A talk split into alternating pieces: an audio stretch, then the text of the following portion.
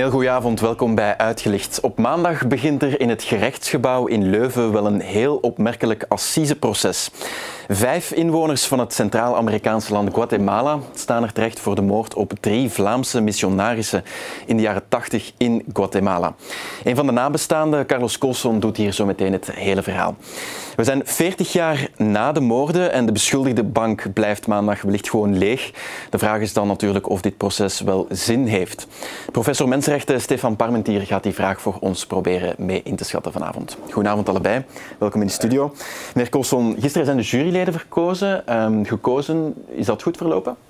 Dat, uh, dat, was, dat is op zich heel goed verlopen en uh, het, het, toont ook dat uh, Assise gebeurt door juryleden en dat het gerecht zich daar ook op instelt en die ja. mensen heel erg goed behandeld, om het zo te zeggen. Okay. En, en heeft, er vertrouwen, heeft er vertrouwen in dat dat maandag goed gaat verlopen allemaal? Ja. Wel, het, als dit uh, een, uh, een voorboden is, wel ja. Ja, oké, okay, want er is veel uit te leggen. Hè.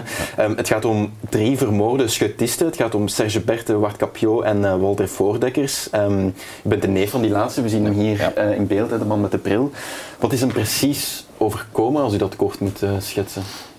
Um, dus Walter was mijn oom en um, die is in de jaren 60 naar Guatemala vertrokken. Heeft dan, uh, is dan als pastoor in Santa Lucia Cochimalguapa um, pastoor van de parochie geworden. Mm -hmm. En er is op dat moment binnen de, de kerk ook een, een, ja, twee stromen. Uh, een, een eerder traditionele en een eerder progressieve stroming.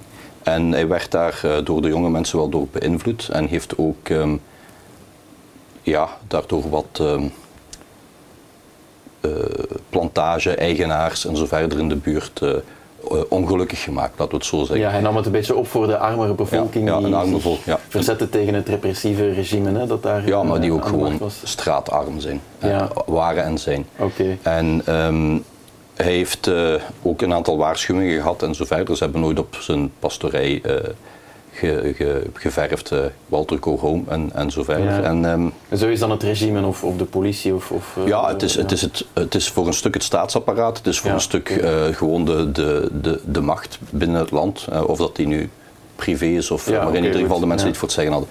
En um, dan op de 12 mei 1980 ging hij van de parochiehuis ongeveer de straat over naar de post om zijn brieven te posten. Hij schreef veel, ook vanuit de familie. Dus tijd voor internet natuurlijk. Mm -hmm. En bij dat, bij, bij dat naar de post te gaan is er een jeep gestopt. Zijn er mensen uitgekomen, een jeep zonder nummerplaten, uh, gemaskerde mannen. En die wouden hem ontvoeren. En heeft eigenlijk altijd gezegd, ik laat me niet ontvoeren, ik ga nog liever lopen. Dat heeft hem ook gedaan.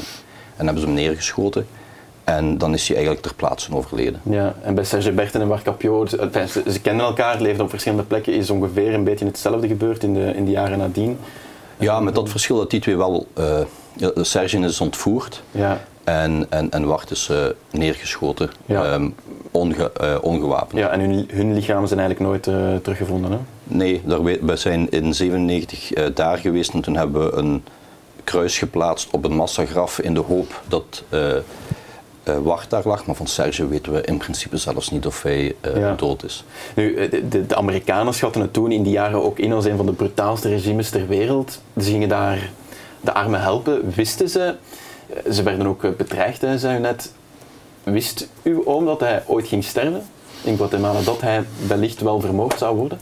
Wel, ik heb um, een aantal interviews uit het dossier gezien en uh, daar is heel duidelijk dat hij daar heel veel schrik voor had. Trouwens, hij was ook nog op bezoek in België, uh, ja, een half jaar voorheen. En um, oh, oh ja, op dat moment was ik acht jaar, dus ik kan dat niet zo goed inschatten. Maar van de, de rest van de familie heb ik begrepen dat hij uh, toch wel heel erg nerveus was. Ja. Oké. Okay. Meneer Parmentier, um, goedenavond ook aan u. Uh, u heeft die zaak als professor in, uh, in mensenrechten ook uh, gevolgd. In 2001 is er een klacht um, officieel gekomen van onder meer um, Carlos Colson. We zijn nu 2023. Waarom heeft dat zo lang geduurd voordat daar nu pas een, een proces over gaat beginnen? Ja, dat is inderdaad een heel uh, lange periode natuurlijk. Hè.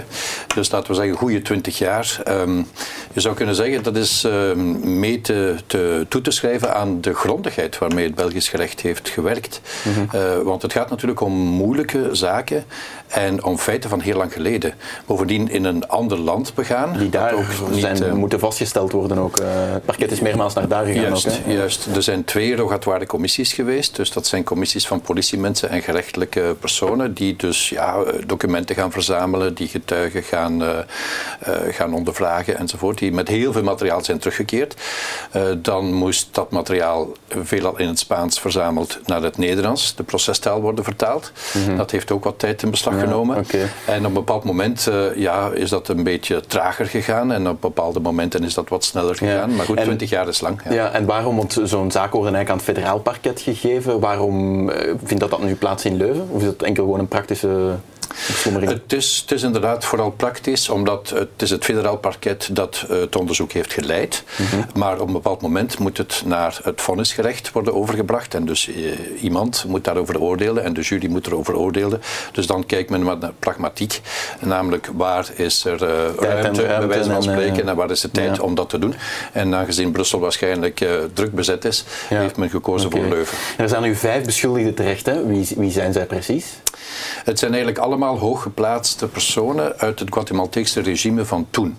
Uh, dus in het begin van de jaren 80. En het gaat over de periode net voor uh, de periode dat uh, generaal Rios Montt dan achteraf president geworden is. Dus dat is belangrijk om aan te geven, omdat men soms de verwarring hanteert dat het over het Rios Montt-regime gaat, maar dat is niet mm -hmm. zo. De president was Lucas Garcia. nu, hij is gestorven, dus hij kon niet terecht staan. Uh, het gaat om uh, de ex-minister van Binnenlandse Zaken, ex-minister van uh, Defensie, om de stafchef van het leger in die periode.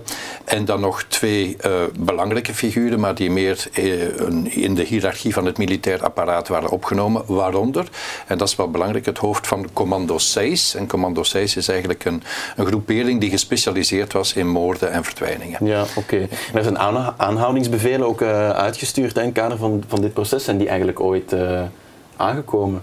Want er zal maandag van die vijf zal er wellicht niemand zitten. Hè? Zijn die ooit aangekomen of afgeleverd? Maar er zijn aanhoudingsbevelen en er zijn de dagvaardingen. En de ja. aanhoudingsbevelen zijn um, normaal gezien na de Kamer van Inbeschuldigingsstelling uh, uitge, uitgereikt of uh, ver, verspreid.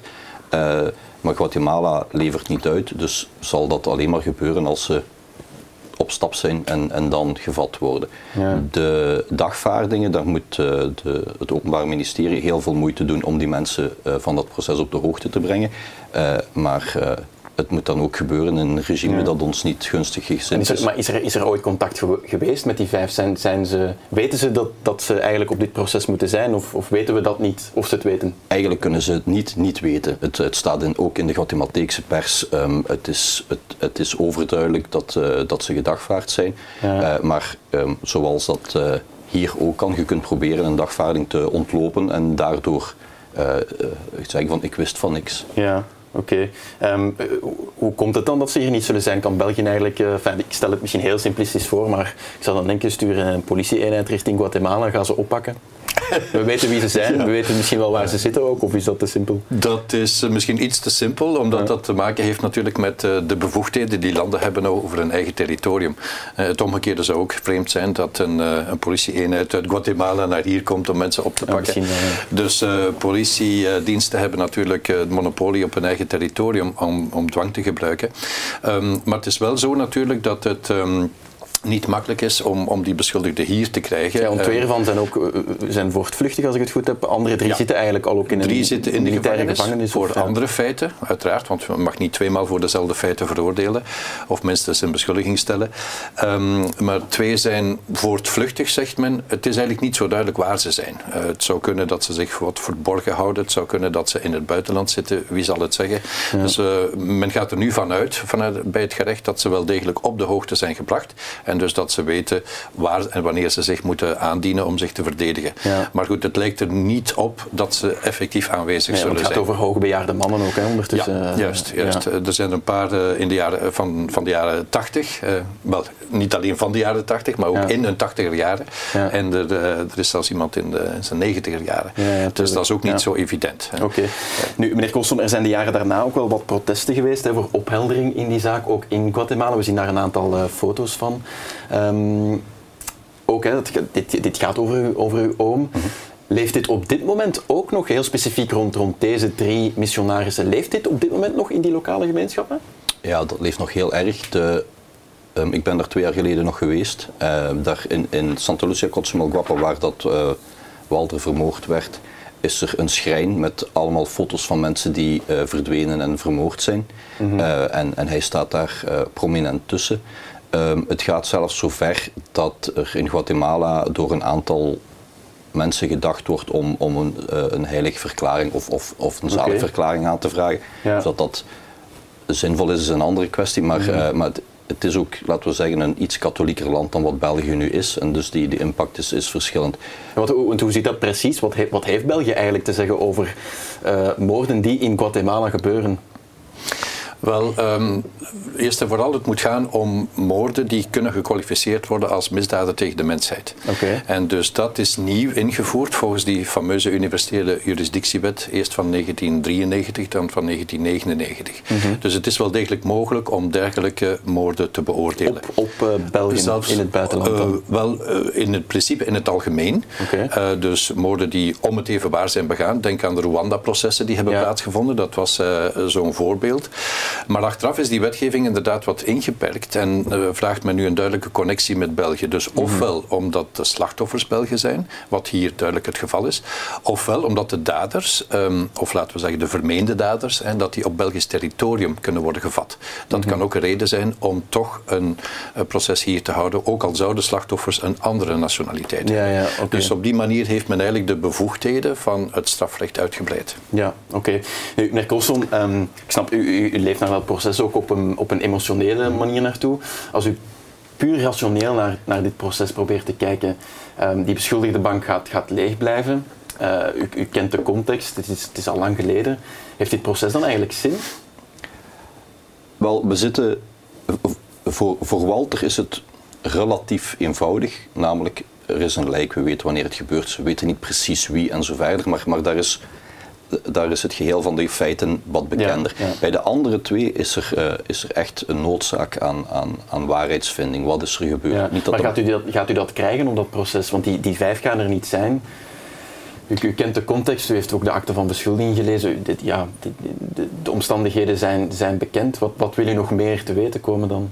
Wel, door, door het proces wordt worden ook de getuigen erbij gehaald die, die dus aangeven wat er gebeurd is. En uiteraard is dat allemaal voor de jury, maar voor de burgerlijke partijen, wij zitten daar ook en wij horen dat dan ook en wij krijgen mm -hmm. daardoor ook die context van echte mensen te horen in, in dat ganse kader.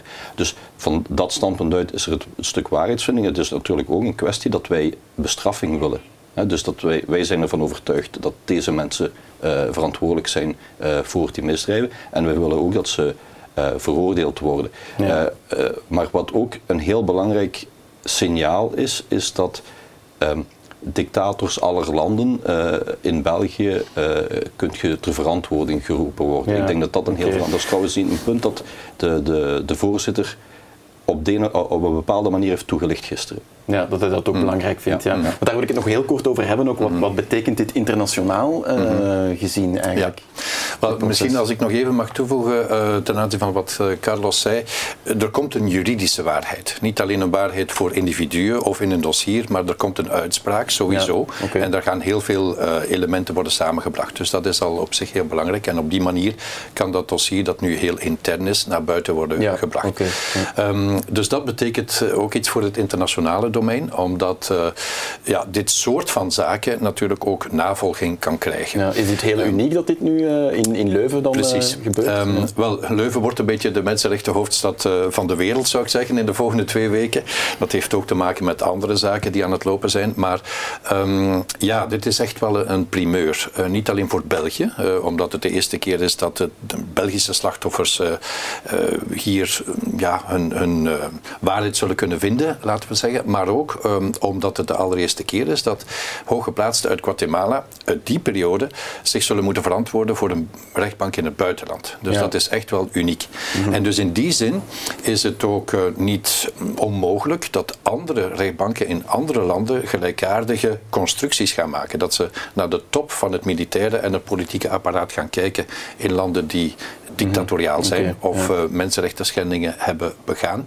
En dat ze gelijkaardige zaken opzetten. Ja, dus, dus voor de strijd wel, tegen straffeloosheid is dat een enorm groot precedent. Dus het wordt in, het, in de juridische wereld in het buitenland ook wel gevolgd, uh, wellicht? Dat denken we wel. Oké, okay, ja. dankjewel voor de komst allebei. Meneer Koolson, heel veel succes. Meneer Parmentier, ook uh, succes de volgende twee weken.